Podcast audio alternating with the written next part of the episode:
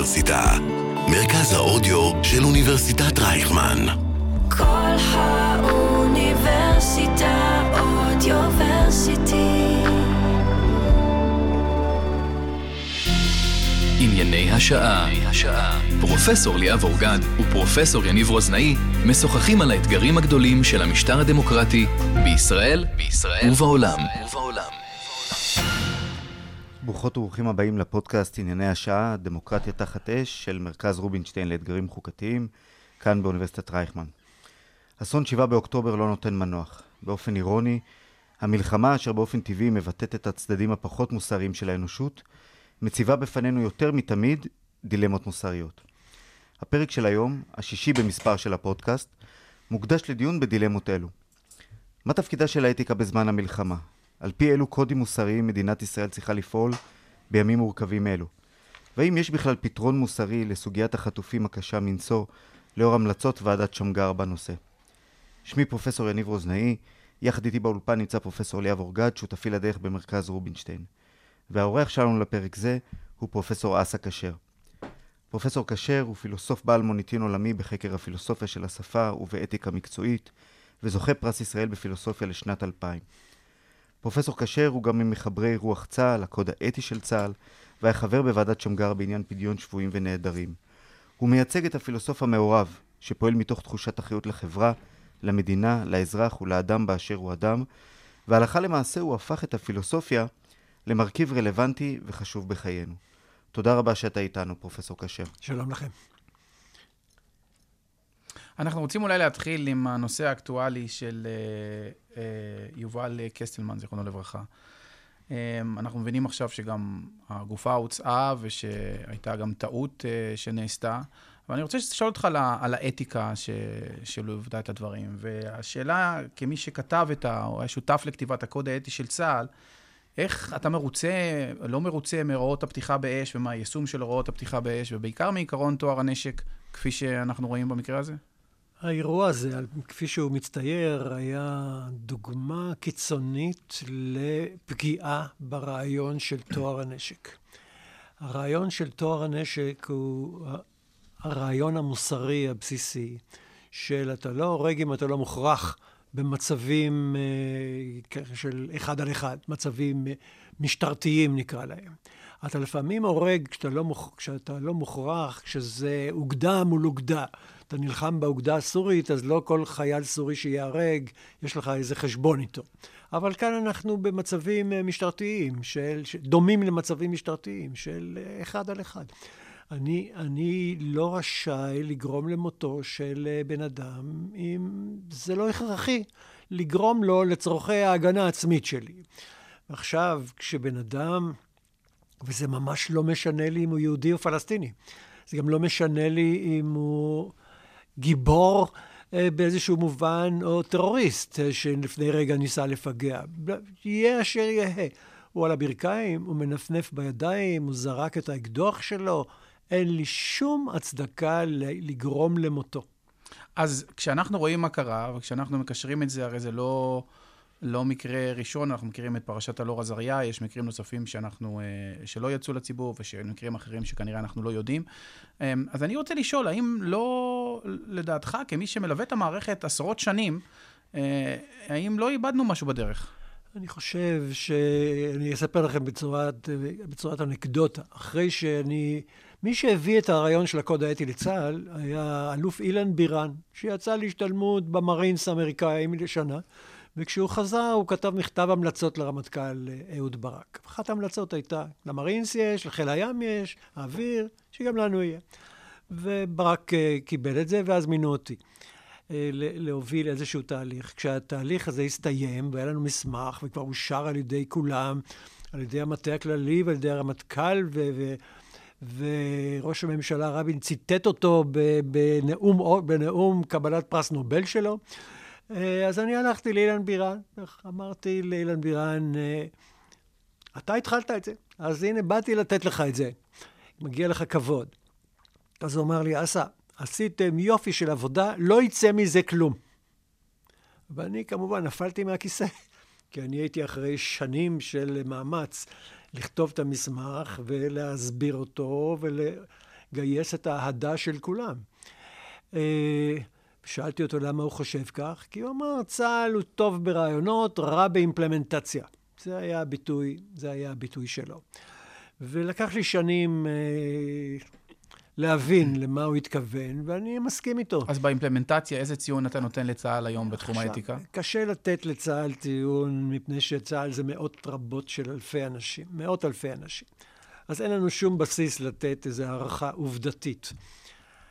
אין טעם לומר שאנחנו הצבא הכי מוסרי בעולם, מפני שאף אחד לא בדק את זה בצורה רצינית, ואף אחד לא יודע איך להשוות את זה לאמריקאים ולבריטים.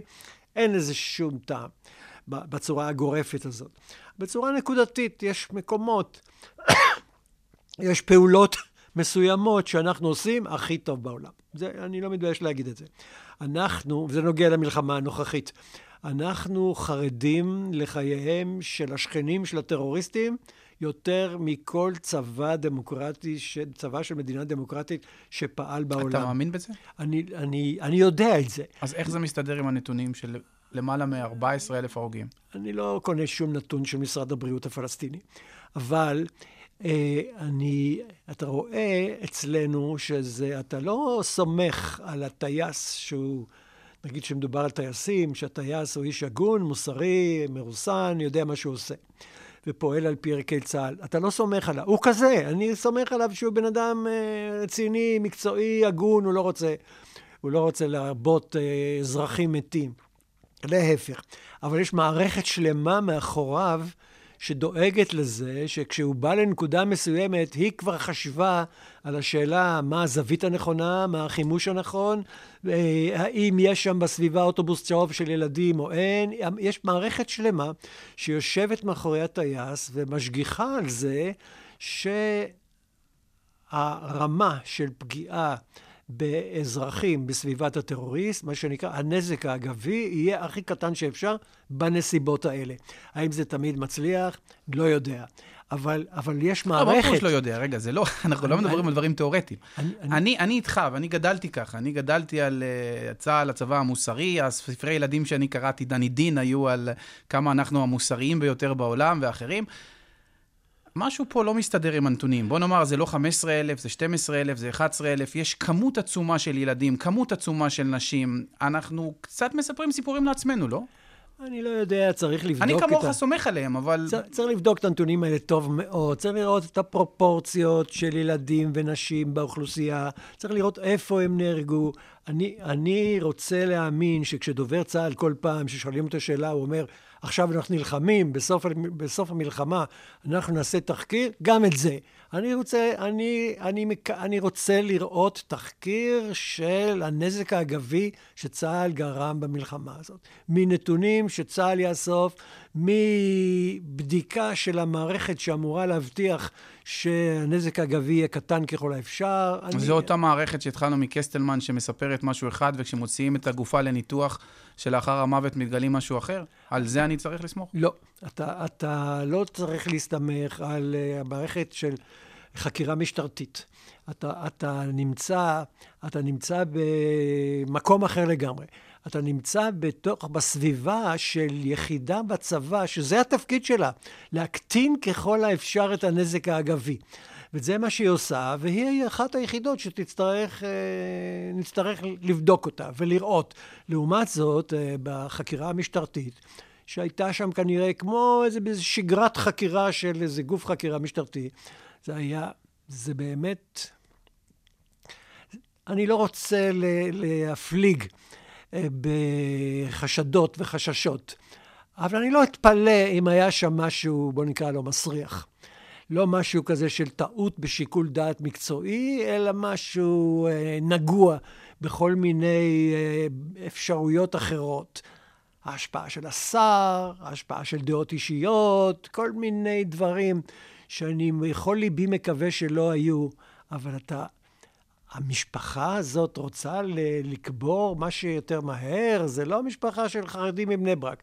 היא, אה, היא, היא, היא לא דיברה בצורה הזאת.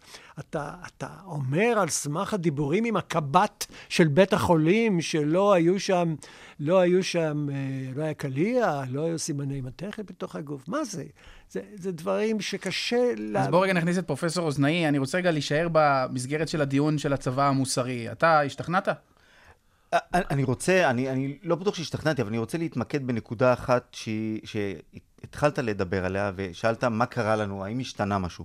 וצריך להבין רגע את האווירה. היום האווירה באולפנים ובציבור היא שמחבל לא יוצא חי מזירת, מזירת פיגוע.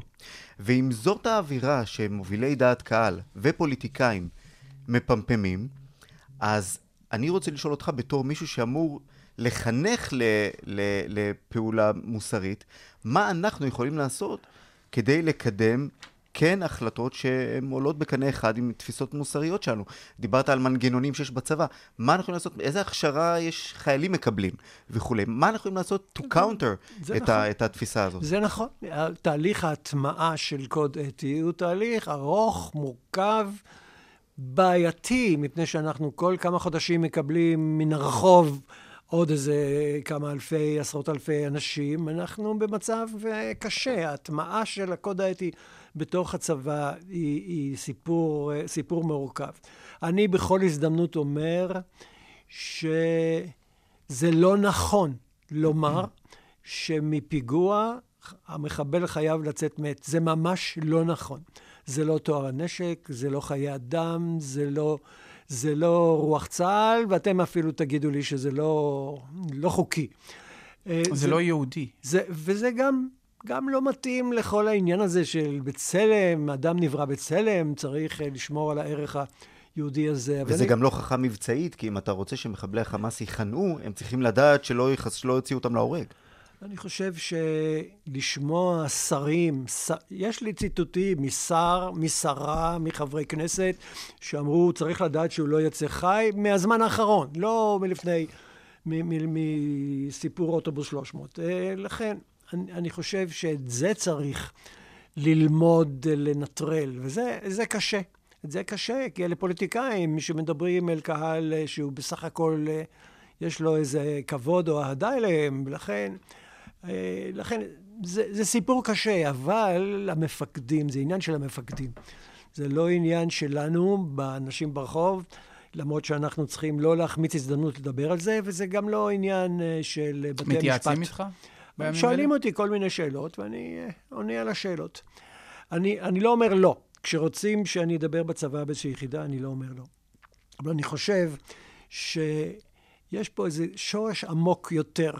מהיחס השלילי לערבים. אה, ולשורש העמוק הזה קוראים חניבל. הייתה פקודת חניבל. פקודת חניבל נוצרה כשהיינו בדרום לבנון, באזור הביטחון בדרום לבנון, והתחילו התופעות האלה של החיזבאללה מנסה לחטוף חיילים, ואז אה, ראשי פיקוד צפון, האלוף, ראש אג"ם שלימים היה הרמטכ"ל אה, אשכנזי, הקמ"ן, הם כולם ניסחו פקודה שעברה את כל התהליכים, תהליכים גם של אה, פרקליטות וכולי, פרקליטות צבאית. והפקודה, הפקודה היה בה חלק שהיה מסווג. כי הפקודה של חניבל לפיקוד צפון, נגיד, אומרת איזה חטיבות, איזה טייסות, איזה, איזה כוחות צבאיים יהיו מעורבים בניסיון לסכל את החטיפה. זה לא דבר שאתה רוצה שהאויב ידע, ולכן uh, הפקודה הייתה מסווגת. אבל לא היה טעם אה, לסווג את הוראות הפתיחה באש שהיו בתוך הפקודה הזאת, אבל הם, בתוך, בגלל הפקודה כולה, בגלל הסיווג של כולה, אז גם הוראות הפתיחה באש היו, היו אה, מסווגות. ואז נוצרה תופעה, שהיא בעיניי תופעה קשה ומדהימה, ולא עקרנו אותה, אני חושב, עד הסוף, והיא שנוצר איזה רושם אצל חיילים, לאלפיהם, כי אני שמעתי את השאלה הזאת הרבה פעמים. אה, נוצר אצלם הרושם שמותר להרוג את החייל. אתה לא מצליח לסכל את החטיפה, אז תהרוג את החייל. כי אז אנחנו נצטרך להחזיר לחיזבאללה גוף, תמורות לגופה ולא תמורות לחייל חי שהן הרבה יותר גבוהות. זה, וזה בצדק שהן יותר גבוהות, זה בסדר. אה, אני בכל הזדמנות, בטח במאות הזדמנויות, דיברתי נגד זה, ואמרתי שזה לא נכון. אולי רק צריך להזכיר למאזינים שבשנת 2008 הוקמה ועדה שאתה היית חלק ממנה, אה, בראשות נשיא בית המשפט העליון לשעבר בדימוס אה, מאיר שמגר, לקבוע עקרונות לניהול משא ומתן אה, לפדיון שבויים, חטופים ונעדרים. ואני מתאר לעצמי שיש קשר בגם יש קשר. אני כתבתי מאמר על uh, ספר שיצא לכבוד השופט uh, פינקלשטיין כשהוא uh, פרש מתפקידו, אז אני כתבתי מאמר על חובות המדינה לאזרחיה, והתחלתי בחניבל, כאילו למנוע בכלל את זה שיהיה חטוף. אנחנו צריכים להתחיל שם. והרעיון שאנחנו נמנע את החטיפה על ידי זה שנהרוג את, את החטוף, הוא, הוא בעיניי רעיון מפלצתי. אני לא יודע איך מישהו... במדינת ישראל, בצה"ל, יכול היה לחשוב ככה. זה לא מוסרי, זה לא חוקי, זה לא אתי, זה מנוגד. אנחנו מתפארים בזה שבקוד האתי שלנו יש הערכים האלה, חיי אדם. אנחנו, אנחנו חיי אדם וטוהר הנשק, חיי אדם. הנוהל הזה בוטל, נכון? אז עכשיו, אייזנקוט. אבל לא, אי אפשר היה, שנייה, אי אפשר היה, אי אפשר היה להילחם נגד זה. אני בכל מקום שדיברתי, תמיד אמרו לי, אתה נאיבי, אתה מהאוניברסיטה, זה אולי התורה שבכתב, בעל פה, זה מה שאנחנו עושים. ואנשים סיפרו לי סיפורים. אני לא חושב שהיה מקרה שבו חיילים הרגו חטוף. זה, לא שמעתי על מקרה כזה. אבל שבתרגיל אה, עשו סימולציה של חטיפה. ולא הצליחו לסכל את החטיפה, ואז מישהו סיפר לי, מישהו מהנחל סיפר לי, ואז המג"ד הרג את החטוף בסימולציה. זאת אומרת, הם התייחסו לזה ברצינות. כאילו, בבוא היום ככה הם יצטרכו, ככה הם יצטרכו להתנג... להתנהל. אה, הרמטכ"ל איזנקוט נהג בחוכמה, בצורה חדה, פשוט ביטל את פקודת חניבעל, במקומה הנהיג פקודה אחרת, שאפילו השם שלה מסווג, ושהיא אומרת מה שאמרה פקודת חניבעל. מותר לך לסכן את חיי החייל, כי אתה יורה בחוטפים שלו, אבל זה רמה של סיכון. אבל בשום פנים ואופן אסרו לך לפעול בצורה שמביאה בהסתברות גבוהה או ל- ל- למותו. ערך חיי החייל עולה על ערך סיכול החטיפה. זה זה משפט כללי שנאמר ב...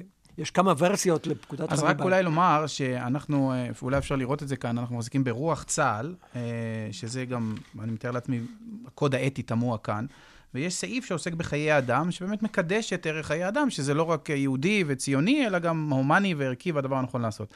אז אני דווקא מסיפור חניבעל רוצה לחזור רגע לנושא הראשון, ולומר, אז אנחנו, היחס שלנו לערך חיי אדם הוא איפשהו נשחק עם השנים, גם ביחס לחיילים שלנו ליהודים, וגם ביחס ללא יהודים. אני מסכים איתך במאה אחוז. בעיניי חניבעל זה... הסיפור של חניבעל, של איך אנשים הבינו את זה, הוא סימן שאלה גדול על היחס הרציני לערך חיי אדם אה, בקוד האתי. זה כאילו זה ממש ההפך. זה אומר, לא, יש דברים יותר חשובים מחיי אדם. אנחנו בעצמנו נהרוג את החייל כדי שיהיה לנו יותר נוח במשא ומתן על חיי... אז עכשיו שהסכמנו על הערכים ועל העקרונות ועל האתיקה ועל המוסר, אני אכניס אותך אולי בכובע הסוציולוג, שאומנם אין לך, אבל יש לך באופן לא רשמי, כמי שמלווה את התהליכים האלה בחברה הישראלית. שוב, מה קרה לנו? אני חושב... איך זה שהגענו ללמחוק את חווארה, ואני מדבר כבר שבועות עם אנשים, והדברים שאתה שומע, זה לא אכפת לנו, וצריך להרוג את כולם, ואי אפשר להבחין, ושזה לא הבעיה שלנו. ויותר מזה, התקשורת הישראלית לא מראה מה שקורה שם, וכשאני אומר לאנשים, אבל אתם רואים, לא רוצים לראות. זה, יש, יש תחושה שהחמאס רצח את ה-reason הישראלי, רצח את, ה, את מה שנותר מהחמלה ומהאמפתיה שכבר לא קיימת. אני רוצה לש... להעלות השערה. אני חושב שבחברה הישראלית, כולל בפוליטיקה הישראלית, גדל המשקל של הלאומנות, של מחשבה לאומנית. זאת אומרת, במרכז התמונה נמצא העם, וצריך על הגוף הזה שנקרא העם להגן בכל מיני דרכים, כולל הדרכים של להרוג אה, פלסטיני, זה it goes without saying, אבל גם להרוג יהודי. כן, מותר לי, אנחנו שמענו, תראה, השר סמוטריץ' אמר בהתחלת הדרך, של עכשיו אנחנו צריכים למוטט את החמאס ולא לחשוב יותר מדי על החטופים. מה זה לא לחשוב יותר מדי על החטופים? זה גישה לאומנית. כאילו, יש לנו העם, והעם מושפל, ועכשיו צריך לגאול את ה... את, את כבודו של העם, ולא נתעסק עכשיו באיזה אזרחים שחטפו אותם. אני חושב שזה ממש ההפך מן העקרונות של מדינה דמוקרטית. במדינה דמוקרטית, בלב התמונה נמצאים האזרחים. כל אחד מהם לחוד, לא רק האוסף הזה שלהם שנקרא העם. וכל אחד מהם לחוד, כבוד האדם מגיע לו שמירה על כבוד האדם שלו, ולשמור על כבוד האדם שלו זה לשמור על חייו. לכן אין למדינה היום מטלה יותר חשובה, יותר מוצדקת, מאשר להחזיר את החטופים. בדרכים מעשיות, בדרכים, אני לא, כאילו, כשאומרים, תחזירו את החטופים עכשיו, אני לא מתייצב מאחורי שום שלט כזה שאומר עכשיו. אז האצבע המאשימה שלך היא לגבי, איפה אתה שם את ה... היא הלאומנות. על... הלאומנות. אנחנו נותנים ללאומנות יותר ויותר מקום בתור חברה, והראייה הניצחת זה הרכב הממשלה. יש לנו ממשלה שבה יש, יש, אה, הליכוד יש לו נטיות לאומניות, אבל הוא עדיין לא ממש מפלגה לאומנית. והחרדים הם בטח לא לאומנים, דברים אחרים לגמרי מעניינים אותם. אבל שתי המפלגות האחרות הן כן, מפלגות לאומניות. כן, אבל זה לא רק עניין של מיעוט. ויש להן שליטה בממשלה, מפני שבלעדיהן אין ממשלה.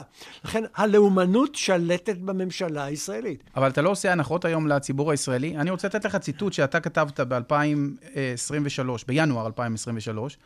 ואני יותר מסכים עם הציטוט במידה מסוימת, כיוון שעכשיו נראה לי אתה עושה קצת הנחות, לה, אתה אומר זה הלאומנות, זה רק ההתנחלויות. וככה אתה אומר, החברה הישראלית, אתה אומר, המדינה זה כמו איזה קערה שיש בה כופתאות משובחות, באמצע, ממש יוצאות מן הכלל. אה, וסביבן, אגן של... אגם שלם של נוזר, נוזל עקור, דלוח, מרק תת-רמה. במעטפת יש אפילו טבעת רעילה מזוהמת לא סטטית שזוחלת לתוך המרק. נכון. כאן אנחנו, האנלוגיה, המשל שלך, זה שהליבה היא אותם דברים, כופתות משובחות. אבל זה כבר לא עניין של שוליים של מתנחלים. זה הפך להיות uh, המרק שזוחל ומקיף את הקערה. באנלוגיה שלי, קודם כל, אני, אני לא זז מן האנלוגיה הזאת, אני חושב שהיא נכונה. אנחנו במצב רע מאוד. אנחנו במצב רע מאוד, ואני חושב שזה לא מתנחלים, זה, זה יותר רחב מהמתנחלים. מתנחלים, אה, רובם הם, הם באמת מבטאים את המצב הזה. הם ה... הם הטבעת העכורה הזאת שבתוך המרק. אה, אבל, אבל זה גם... אני מקווה שיניב יניב זה הכופתות המשובחות, כן. אני חושב, אני חושב שיש פה באמת הרבה כופתאות משובחות. אני חושב שאחים לנשק זה כופתאות משובחות. אני חושב שהטייסים ואנשי המודיעין שאמרו, סליחה, אנחנו משעים את ההתנדבות שלנו, אנחנו לא מתנדבים לצבא שייתן לנו פקודות חווארה. אז אני חושב שיש פה הרבה מאוד כופתאות אה, משובחות. גם מפקד חיל האוויר, שהוציא איגרת תכף בהתחלת המחאה, ואמר לטייסים, תסמכו עליי, ממני לא תקבלו פקודות שהן לא לפי רוח צה"ל ולפי המוסר. זה, אפילו הוא השתמש במילה מוסר, לא רק האתיקה של, של צה"ל, ואין צורך לומר החוק. אני חושב שהוא בזה אמר, אני אדאג לזה, שלא תקבלו פקודה לשרוף את חווארה. למרות שיש שרים שרוצים אה, לראות את חווארה אה, נשרפת או את תושביה אה, מגורשים. יש פה, יש פה בסיס לאופטימיות, במובן הזה שיש פה הרבה כופתאות משובחות, ו... והן הוכיחו את היכולות שלהן בדרכים שונות, גם במחאה, וגם אחים לנשק ביום אחד התהפכו ונהיו קבוצת תמיכה באזרחי עוטף עזה, ולא רק גוף מחאה. אני חושב ש... אני חושב שיש פה הרבה כופתאות. אבל הטבעת העכורה של הנוזל הנורא הזה, היא ישנה שם, ומוכרחים להיאבק בה. היא לא, תיאב, היא לא תיעלם מעצמה. היא... היא מתפשטת בגלל הנסיבות של ה... אנחנו עוד נחזור גם למחאה, אני רוצה אבל שנייה רגע לנסות אולי להגן מהצד השני.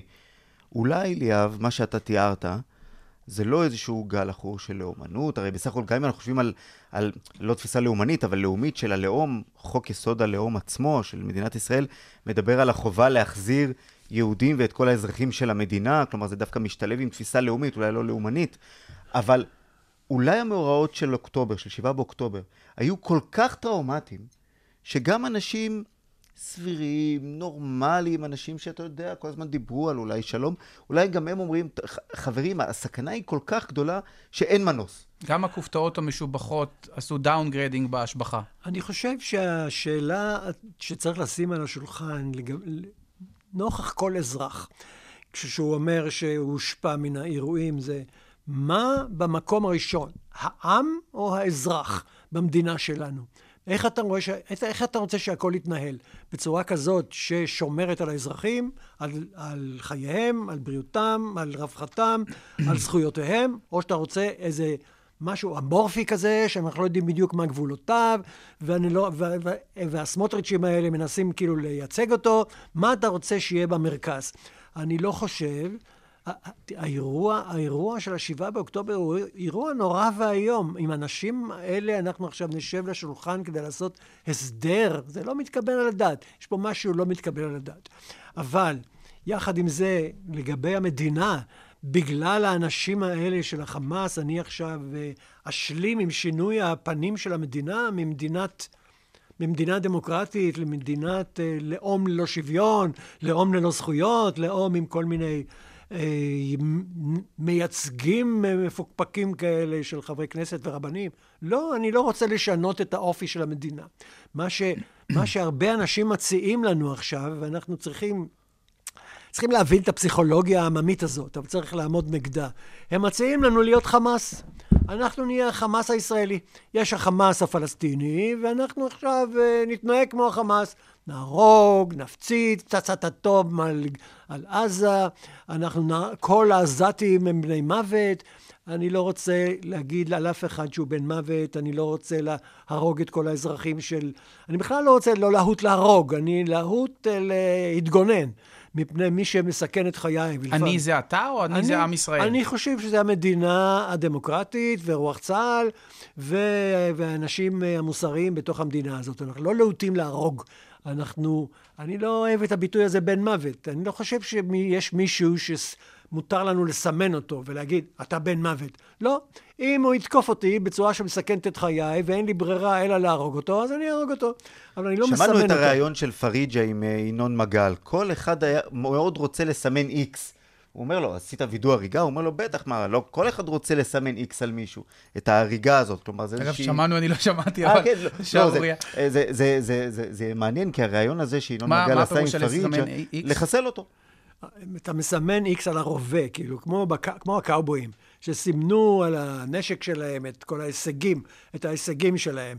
אבל לא יודע איזה חיילים מייצג הפרחח הזה, אני חושב שהוא מנערי הגבעות.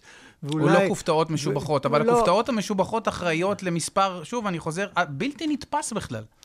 של הרוגים בצד הפלסטיני. אני לא, אני רוצה להשאיר את השאלה הזאת פתוחה. אני רגע משאיר את המוסר ואת האתיקה, אני אומר, זה לא, זה, וגם את היהודי ואת האינטרס הציוני, יש פה בעיה של היום שאחרי. אני... אנחנו לא... תראה... צריכים לשבת בסוף עם מישהו, ל- ל- ל- לחיות עם... בוא, בוא נעשה כניסה... מה שמטריד אותי, אגב, okay. שוב, אוקיי. ברמה האישית, החברים שלי, המשפחה, לאנשים כבר לא אכפת. בואו נעשה כניסה זהירה, איטית וקטנה. קדימה. לתוך עולם המשפט. אני חושב שהשיקול... המשפט או המוסר? המשפט. אוקיי. אבל בנקודה משפטית, אבל ש, שיש לה בסיס מוסרי כמובן, וזה המידתיות. עכשיו, מה, מה קורה כשעושים שיקולי מידתיות במצב הזה? אם יש לי סיכול ממוקד, יש שם טרוריסט אחד, בית אחד שאולי אני אפגע בו, אז שיקולי המידתיות שלי, הם די, די, די קל לעשות אותם. הוא, הוא מסכן מאוד את אזרחי המדינה. אני, כל האמצעים שיש לי אה, מאפשרים לי לגרום לזה שלא יהיו שם הרוגים בכלל, או יהיו שם מעטים, אז, אז שיקולי המידתיות הם, הם יהיו פשוטים. אבל עכשיו אנחנו באיזה מצב אחר. ששיקולי המידתיות, שצריך גם אותם לבדוק בסוף הדרך, לראות מה, מה, מה הם היו, כאילו איך הפרקליטים הצבאיים אמרו למפקדים שהם שיקולי המידתיות בזמן הזה. כאילו, עכשיו שיקולי המידתיות הם אומרים, מה הערך הצבאי? מה הערך הצבאי של הפעולה שעושה עכשיו מישהו בחיל האוויר או בשריון או במקומות אחרים? מה הערך הצבאי? אז יש דברים פשוטים כמו, בסדר, אני אכבוש, אני אהרוס את הבניין הזה, או אני אכבוש את השכונה הזאת. וכן, אני אגן על ביטחון הכוח, אני אגן על שלום uh, חייליי. אבל יש פה עוד איזה, עוד איזה משהו גדול כזה. אני כאילו אגן על המדינה מפני הגוף הטרוריסטי הזה שקם עליה בשבעה באוקטובר ועשה בה שמות.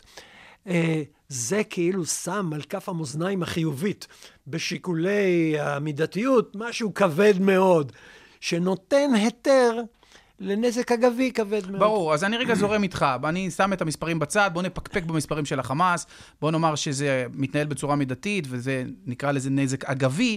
אני איתך עכשיו באותו, באותו journey. אז אם הכל ככה, אז ואנחנו מסתכלים מה קורה בעולם, אז אני אחזיר לך שאלה אחרת ברמה הסוציולוגית, או ברמה של האיש יח, יח, יחסים בינלאומיים. אז למה אף אחד לא מצדיק? למה כולם לא איתנו? למה איבדנו... חלק מהקהילה היהודית בארצות הברית, לא רק את הקמפוסים. למה איבדנו את החברים הטובים שלנו? זה, זה רק אנטישמיות? אני רוצה להוסיף עוד משהו על מידתיות, ואז אני אענה לה, על השאלה, אני אגיב על הדברים, הדברים האלה. זה לא מספיק ששיקולי המידתיות מרשים לי. ליצור נזק אגבי גדול, כי על הפרק עומד משהו גדול. אני גם צריך לעשות מאמצים כנים, ממושכים, מקצועיים, להקטין ככל האפשר את הנזק האגבי. גם אנחנו... על חשבון סיכון החיילים לא, שלנו? לא על חשבון סיכון החיילים. אני, אני יכול לעשות את זה בלי לסכן את החיילים. אני יכול... אני יכול... אגב, ל... בית משפט עליון אצלנו אמר גם על חשבון סיכון החיילים. נוהל לא. שכן בגדול... לא, לא, לא. כשבית משפט מבטל את נוהל שכן, זה... אבל זה לא היה על חשבון סיכון החיילים. זה אחד הנימוקים של אה, יאיר גולן היה שזה מסכן את החיילים, שהוא היה האלוף שבא לבג"ץ, אה, היה שזה גם מסכן את החיילים. אבל אפשר בלי לסכן את החיילים. לבצע התנהלות, אה, התנהלות נכונה. דרך אגב, אני לא מתפעל מהחלטת בג"ץ הזאת על נוהל שכן. אני חושב שבמקום לבטל את זה, לאסור את זה, מה צריכים להגיד? תעשו נוהל בן דוד, אני לא יודע מה. לא שאתם לוקחים מישהו. לא משנה, זה הערה אגבית, רציתי להגיד ש... על. חשבון, מבחינה משפטית, יש לזה עיגון כלשהו, אבל סליחה, אני חושב שצריך, אני חושב שצריך להראות את המאמצים. אה, כשאני uh, מספר לבני שיחה על מה שעושה צה"ל כדי להקטין את הנזקים ככל האפשר, לאנשים אין מושג שככה זה עובד. ואני הייתי בכל מיני פודקאסטים, איפה שאתה רוצה, בבריטניה, באירלנד, בימים האחרונים. אה, אני, אני אומר להם, תראו, אני לא יכול לדבר על המלחמה הזאת, אבל בצוק איתן, המלחמה הקודמת, יש טייסת של פייפרים, מטוסים אה, קלים, שכשיש פעילות אווירית מעל עזה, אז גם הם באוויר. למה? בשביל לבדוק את ההנחות שיש לנו אודות הנקודה שבה אנחנו רוצים לפגוע. ואם הם, רוצ... הם רואים אוטובוס צהוב, כשלא, כשחשבנו שאין שם שום אוטובוס צהוב, אז הם יגידו, ואנחנו לא, לא נעשה את מה שחשבנו לעשות, כי יש שם אוטובוס צהוב של ילדים. עכשיו, איזה אחוז של הפעילויות, של הפעילות האווירית, נדחה או בוטל בגלל הפייפרים האלה? אני שואל בכיתה, אנשים אין להם מושג, אז הם סתם זורקים מספרים. אבל המספר 20 אחוז, זה המספר האמיתי, הוא מספר מדהים. בעצם אחת מכל חמש גיחות של חיל האוויר, אמרו להם, אמרו לטייסים, רגע, תעצור, אתה לא יכול לעשות את זה.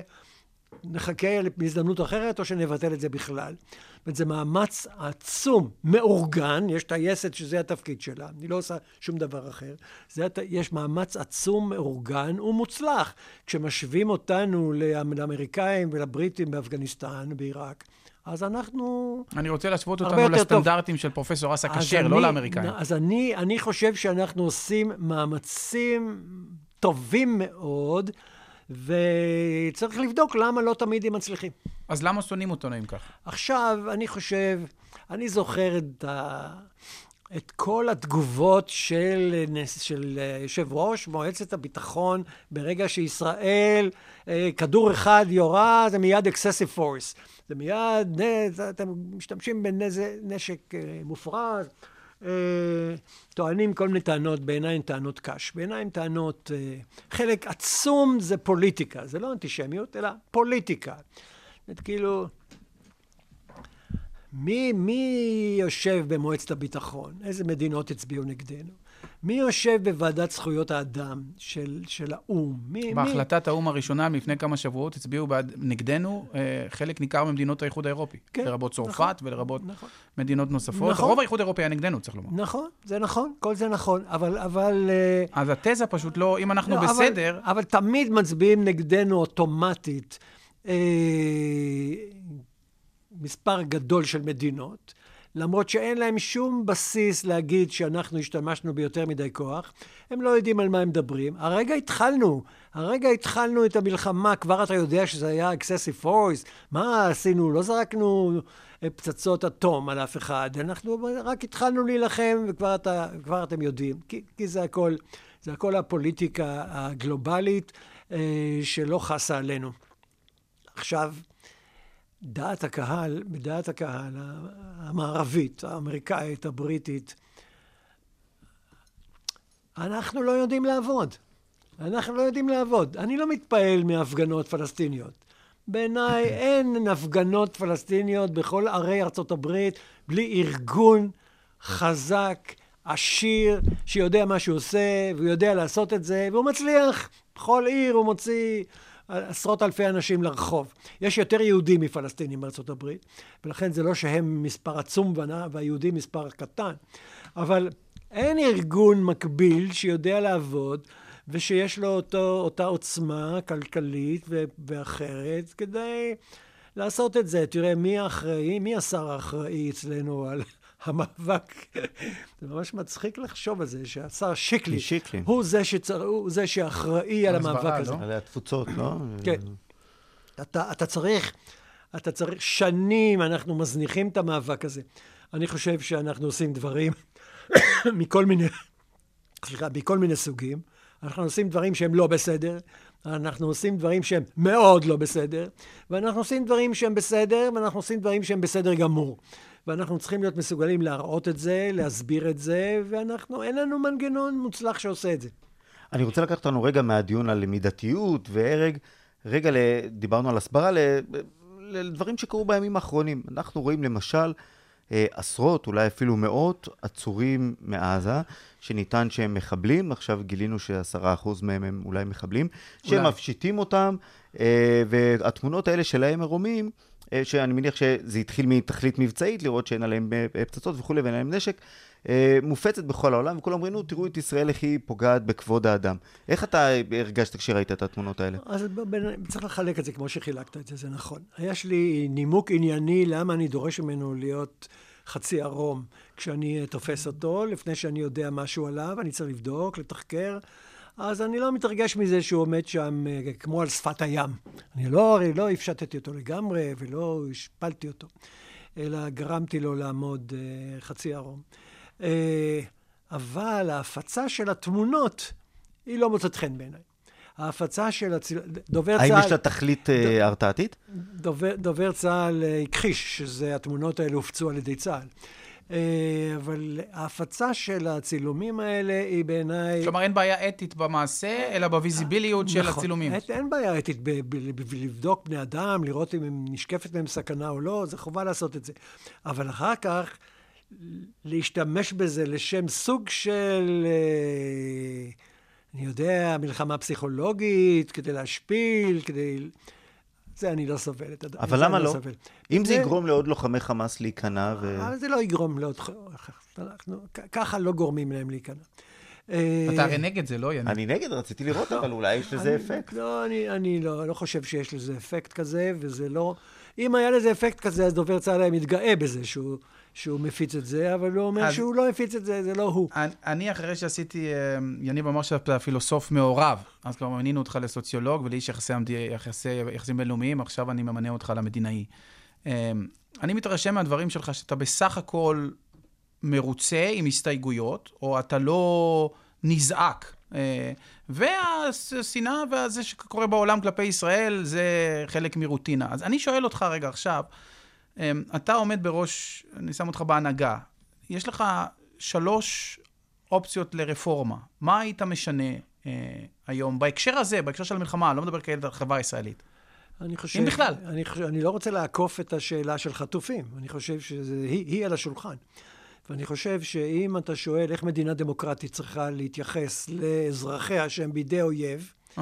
כאמור, כתבתי על זה בלי סוף, אני חושב שאתה צריך אה, לנהל את הפעילות שלך בהתאם לרמת הסיכון שנשקפת לאזרחיך. פרקטית, מה זה אומר? פרקטית זה אומר, נלך אחורה קצת, היה לנו בידי החיזבאללה אזרח שהגיע לידיהם בנסיבות, נקרא לזה פליליות. מפוקפקות. מפוקפקות, אולי פליליות. אה, קראו לו טננבאום.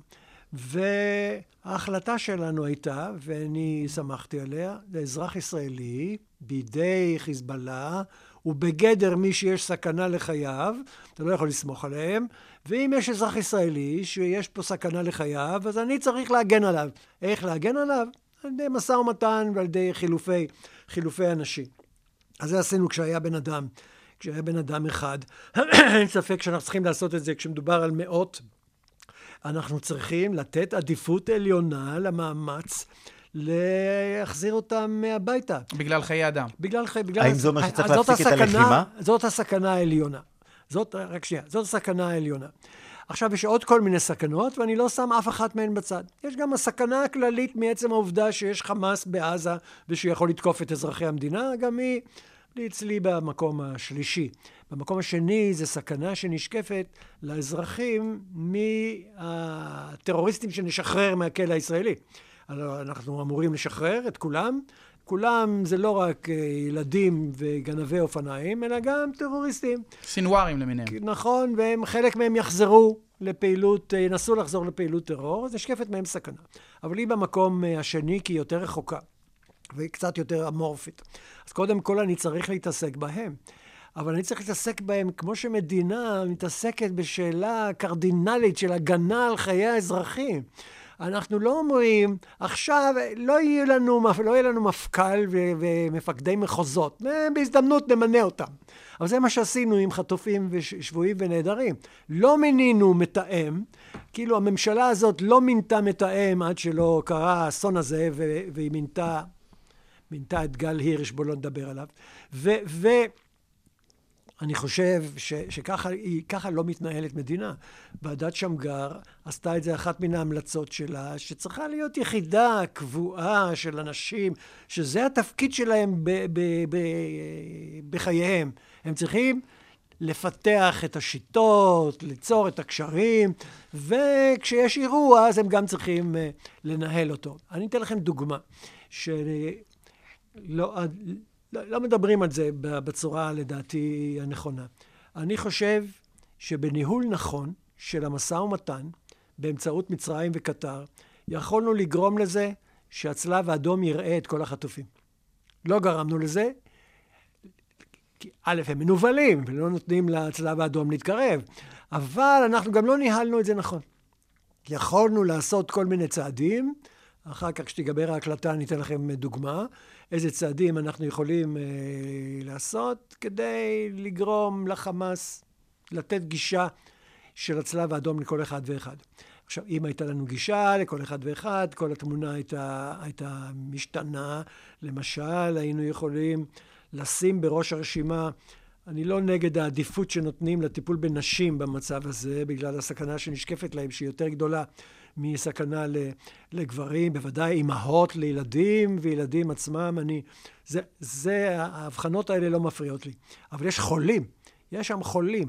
אם הצלב האדום הייתה לו גישה לכל אחד, אז היינו יודעים הרבה על מצב, ה, על מצב התחלואה שלהם, היינו יכולים לתת להם תרופות, היינו במצב של שמירה יותר טובה על אה, חיי... חיי החטופים, אה, חיי החטופים החולים. ואנחנו יכולנו לנהל את כל העסק הזה יותר טוב. ולמה אנחנו לא מנהלים את זה כל כך טוב? כי שמנו את זה בצד, זרקנו את זה הצידה. אחת. אחת ה... אחד ההיבטים של זרקנו את זה הצידה בתור מדינה, זה מי אחראי על כל הנושא הזה. עד שהתמנה אה, אריאל שרון לשר, לראש הממשלה, זה היה הג'וב של שר הביטחון. שר הביטחון ניהל את כל הפרויקט הזה של שבויים ונעדרים. אבל שרון אמר, מה ששר הביטחון יודע לעשות, גם אני יודע לעשות, אז אני, תעבירו את זה, זה יהיה אצל ראש הממשלה. אבל אחרי שרון בתור ראש הממשלה, הגיעו אנשים שאי אפשר היה לסמוך על, אה, כאילו, הידע והמיומנות שיש להם בניהול פרויקטים כאלה ביטחוניים, אה, ובטח לא על הנוכחי. אה, ולכן זה שזה נשאר בידי ראש הממשלה ולא נמצא בידי שר הביטחון, אם זה היה בידי שר הביטחון, היה מתאם. והיו, ו, והיה לנו משא ומתן כמו שצריך, וגם הצלב האדום היה מגיע אל, אל החטופים. אבל אנחנו, זה בידי ראש הממשלה שצריך uh, להצטלם. אני רגע רוצה לחזור, רק כדי לעשות סדר בדברים, אני רוצה להזמין אותך גם, כי אני מעניין אותי, אף פעם לא דיברנו על זה בינינו. Um, השאלה הייתה, אתה, מינינו אותך למדינאי, מה עושים? אז אמרת, הדבר הראשון שהיית עושה, זה משנה את סדרי העדיפויות בנושא החטופים. נכון. כשחטופים תחילה, זה האינטרס הראשוני להחזיר אותם, בגלל חיי אדם, ונתת את הדוגמה של טננבאום. הדבר השלישי שהיית עושה זה, בשיקולים, זה החמאס, מה יקרה ביום שאחרי, שאתה מזה פחות מודאג, ובין לבין אמרת, יש את ה... מי שאנחנו נשחרר מבתי הכלא שלנו ויוצרים סיכון. כמובן, השאלה היא שאלה של מחיר, ואני רוצה דווקא הפעם שאלה פילוסופית. להבין את, ה, את התיאוריה האתית שעומדת בבסיס הדברים.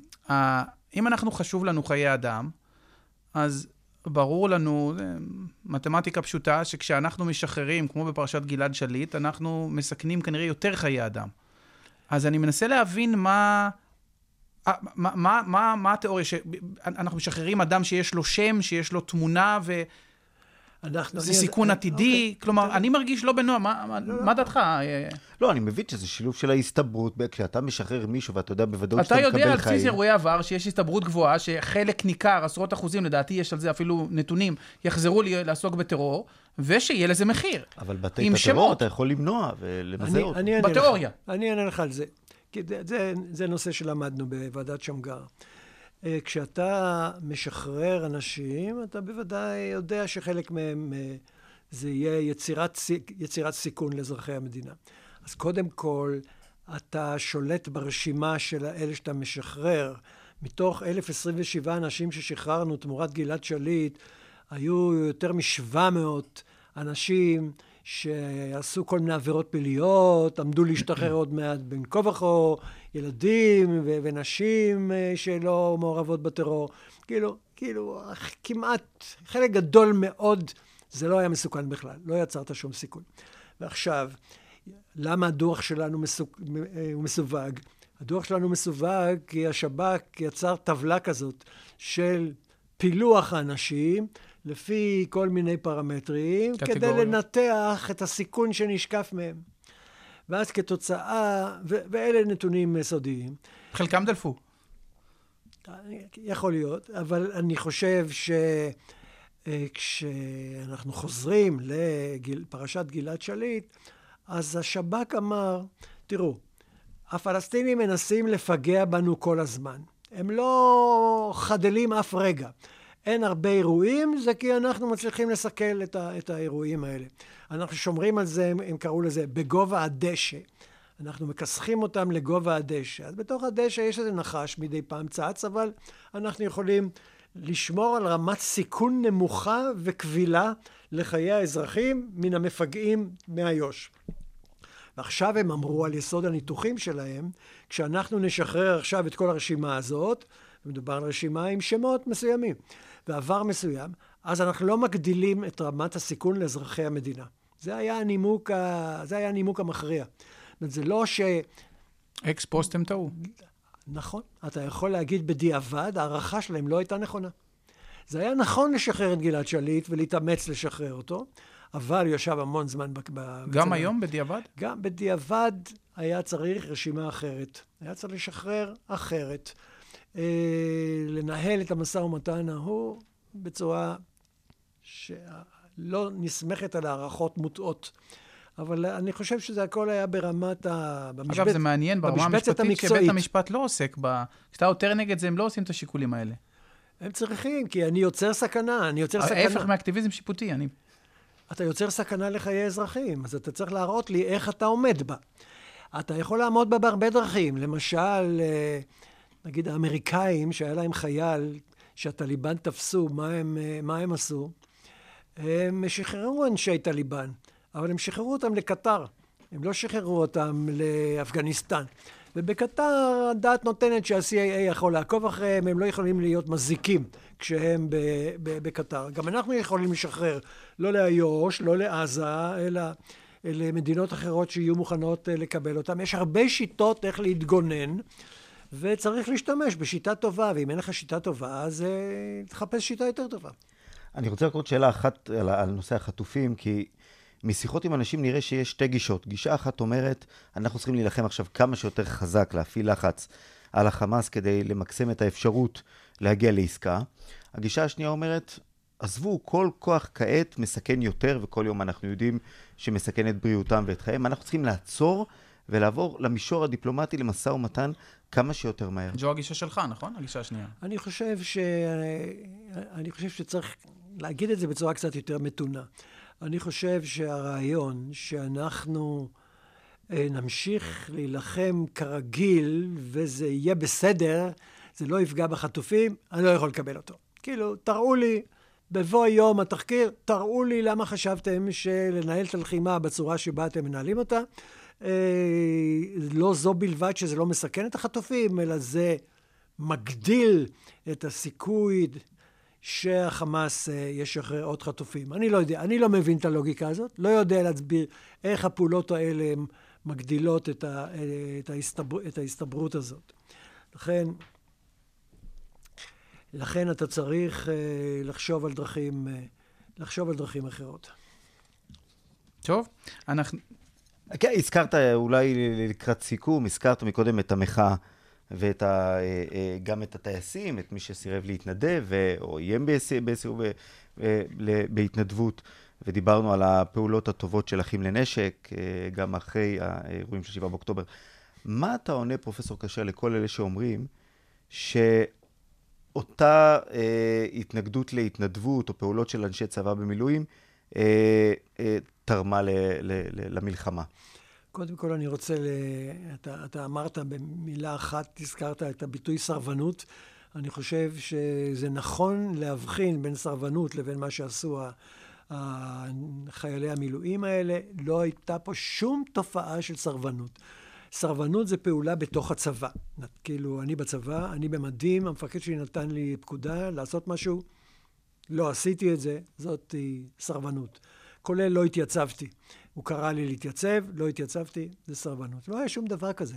היה, הייתה אמירה שאנחנו, יש לנו חששות מפקודות חווארה, מבית הדין הבינלאומי בהאג, ו- ועוד כל מיני חששות, אנחנו לא סומכים.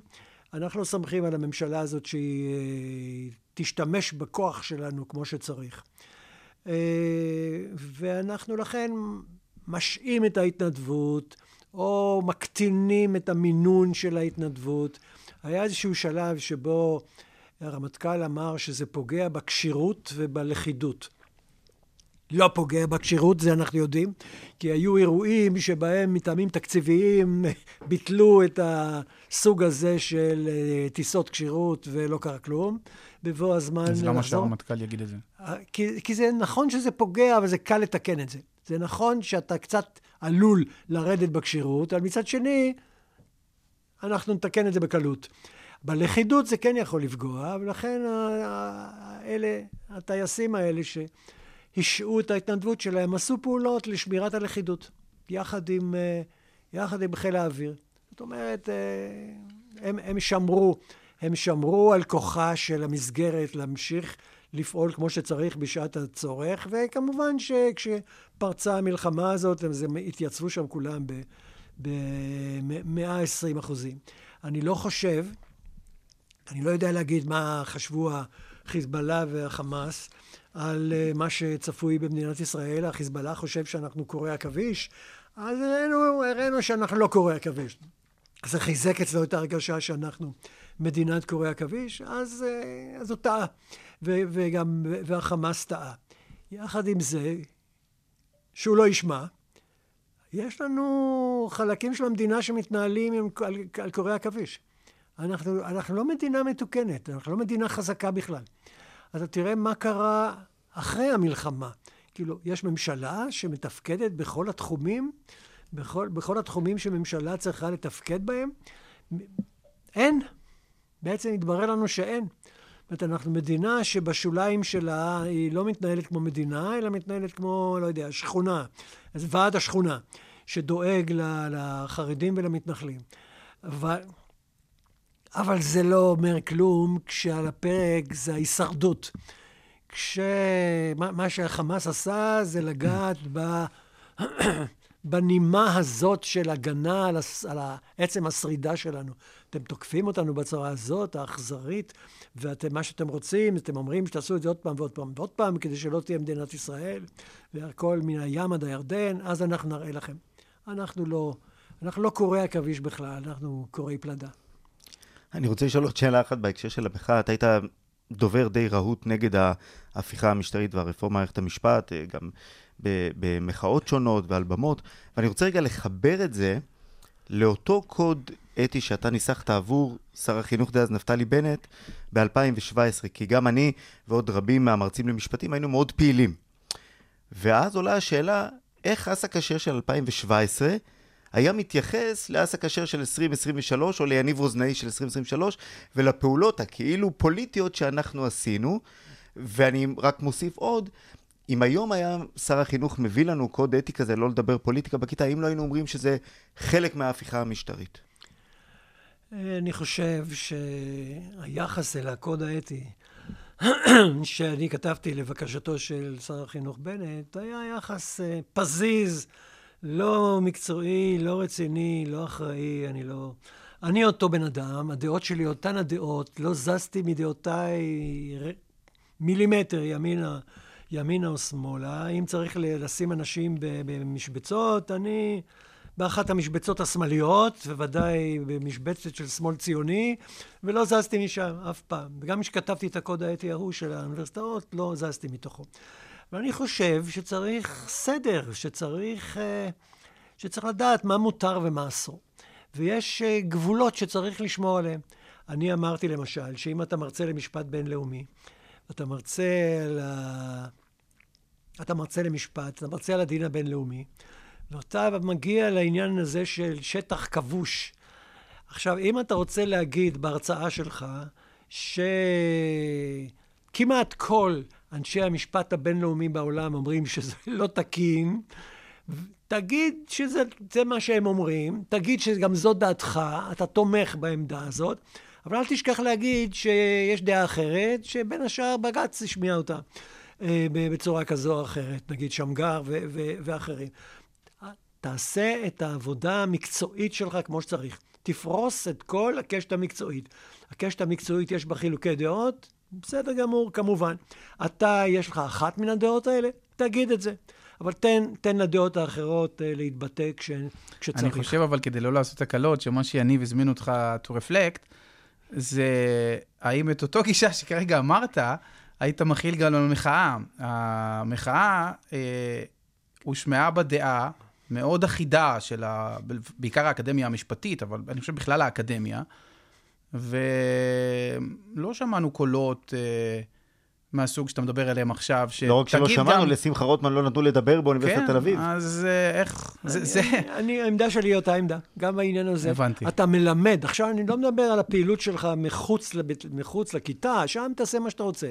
אבל בתוך הכיתה אתה מלמד על, ה, אתה מלמד על עקרונות המשטר הדמוקרטי, ואתה מלמד, על ה, אתה מלמד גם את ההיסטוריה החוקתית של ישראל, אתה מדבר גם על מה, למה הם רוצים כוח שיהיה רק בידיהם, אה, אז אתה, אתה משמיע את דעותיך בקשר להפיכה המשטרית, אבל אתה נותן לתלמידים שחושבים אז אחרת. אז לצד המאמרים של פרופסור יניב רוזנאי, אפשר לתת את הספר של שמחה רוטמן. זו ה... אני חושב שאתה חייב להפנות את תשומת הלב אליו. לא חשוב מה אתה חושב טוב, אליו. ודאי אשמח לשמוע. אתה, אתה חייב uh, בתור מרצה על הנושא הזה. ברחוב אתה יכול ללעוג לזה. אתה, אתה בכיתה גם יכול להגיד מה שאתה חושב על כל הטיעונים שלו.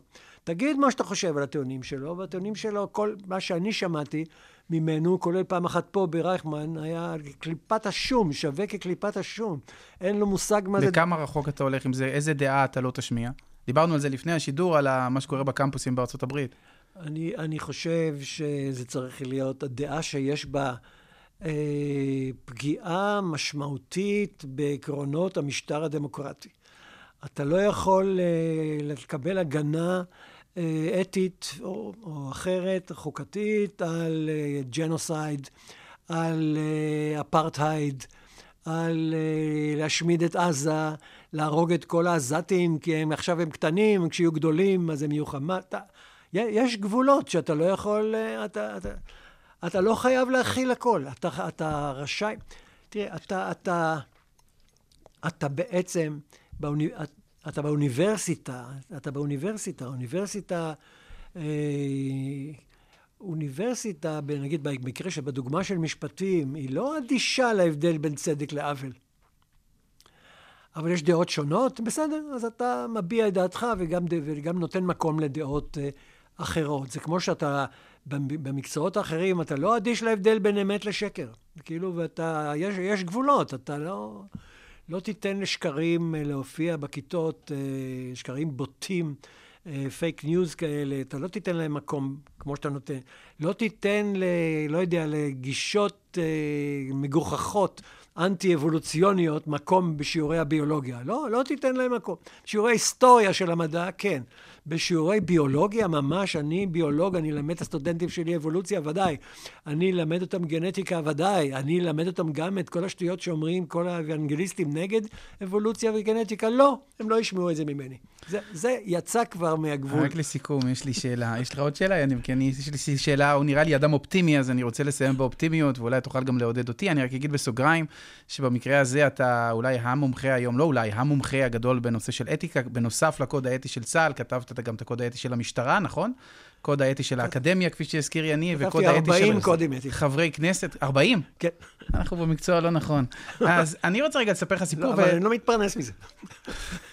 זה יהיה לו אתי. גם אנחנו לא. אה, אני רגע רוצה לספר לך סיפור. אני השבוע פגשתי בחור שהחליט לעזוב את הארץ. ודיברנו למה הוא עוזב את הארץ, הוא אמר, תראה, אין פה עתיד, הוא מזועזע ממה שקורה. ו-to make a long story short, הוא אמר, אנחנו, הילדים שלי, לא, ממילא לא תהיה פה מדינה בעוד איקס שנים, ו... ואם תהיה, אני לא רוצה להיות חלק ממנה. אתה נשמע לי אדם מאוד אופטימי, ונשמע שיש לך איזושהי השקפה אחרת לגבי החברה הישראלית. קודם כל, מדינה תהיה. אז בוא תעודד אותנו איפה אנחנו בעוד עשר שנים. ואיזו מדינה תהיה? אין איום קיומי על מדינת ישראל. לא משנה אפילו אם איראן תהיה גרעינית ולא על סף גרעין, אין איום קיומי על עצם קיומה של מדינת ישראל. ומה עם המרק, עם המרק, עם אוקיי, הכופתאות? ה... עכשיו... אני חושב שהמלחמה הזאת אה, גרמה לכופתאות להיראות. הכופתאות הלכו לישון. אה, לקחת משל אחר, גוליבר הלך לישון. ונתן לכל הליליפוטים להשתלט לאט לאט על כל מיני חלקים של התמונה. עכשיו גוליבר במחאה, עוד לפני המלחמה, במחאה גוליבר התעורר והראה את כוחו, ובמלחמה גוליבר הראה גם שאי אפשר בלעדיו. אי אפשר לנהל אה, בצורה סבירה את מערכת החיים שלנו בלי גוליבר. את המטאפורה אני קניתי. ואנחנו, ולכן אני, אני, כשדיברתי לטייסים, הם שאלו אותי מה דעתי על להגר מכאן. אני, אני נגד זה, זה לברוח, זה לא מתאים. לא מתאים למי שחושב במונחי אתיקה צבאית להציע את ההצעה הזאת של לברוח. אנחנו לא בורחים, אנחנו נאבקים, אנחנו נלחמים כשצריך, אנחנו נלחמים, כמו שאמר הנשיא ברק, ביד אחת קשורה מאחורי הגב, כדי להיות אה, מוסריים כמו שצריך. כן, אנחנו נלחמים כמו, כמו שצריך, ואנחנו אנחנו ננצח גם את ה... מהפכה המשטרית. ביחד הכופתאות המשובחות. טוב, פרופסור אסא כשר. תודה רבה. תודה רבה שבאת אלינו, זה היה מרתק, מעשיר, ובנימה אופטימית זו, עד הפעם הבאה. תודה, תודה לכם, תודה רבה. מעניין לדבר איתכם.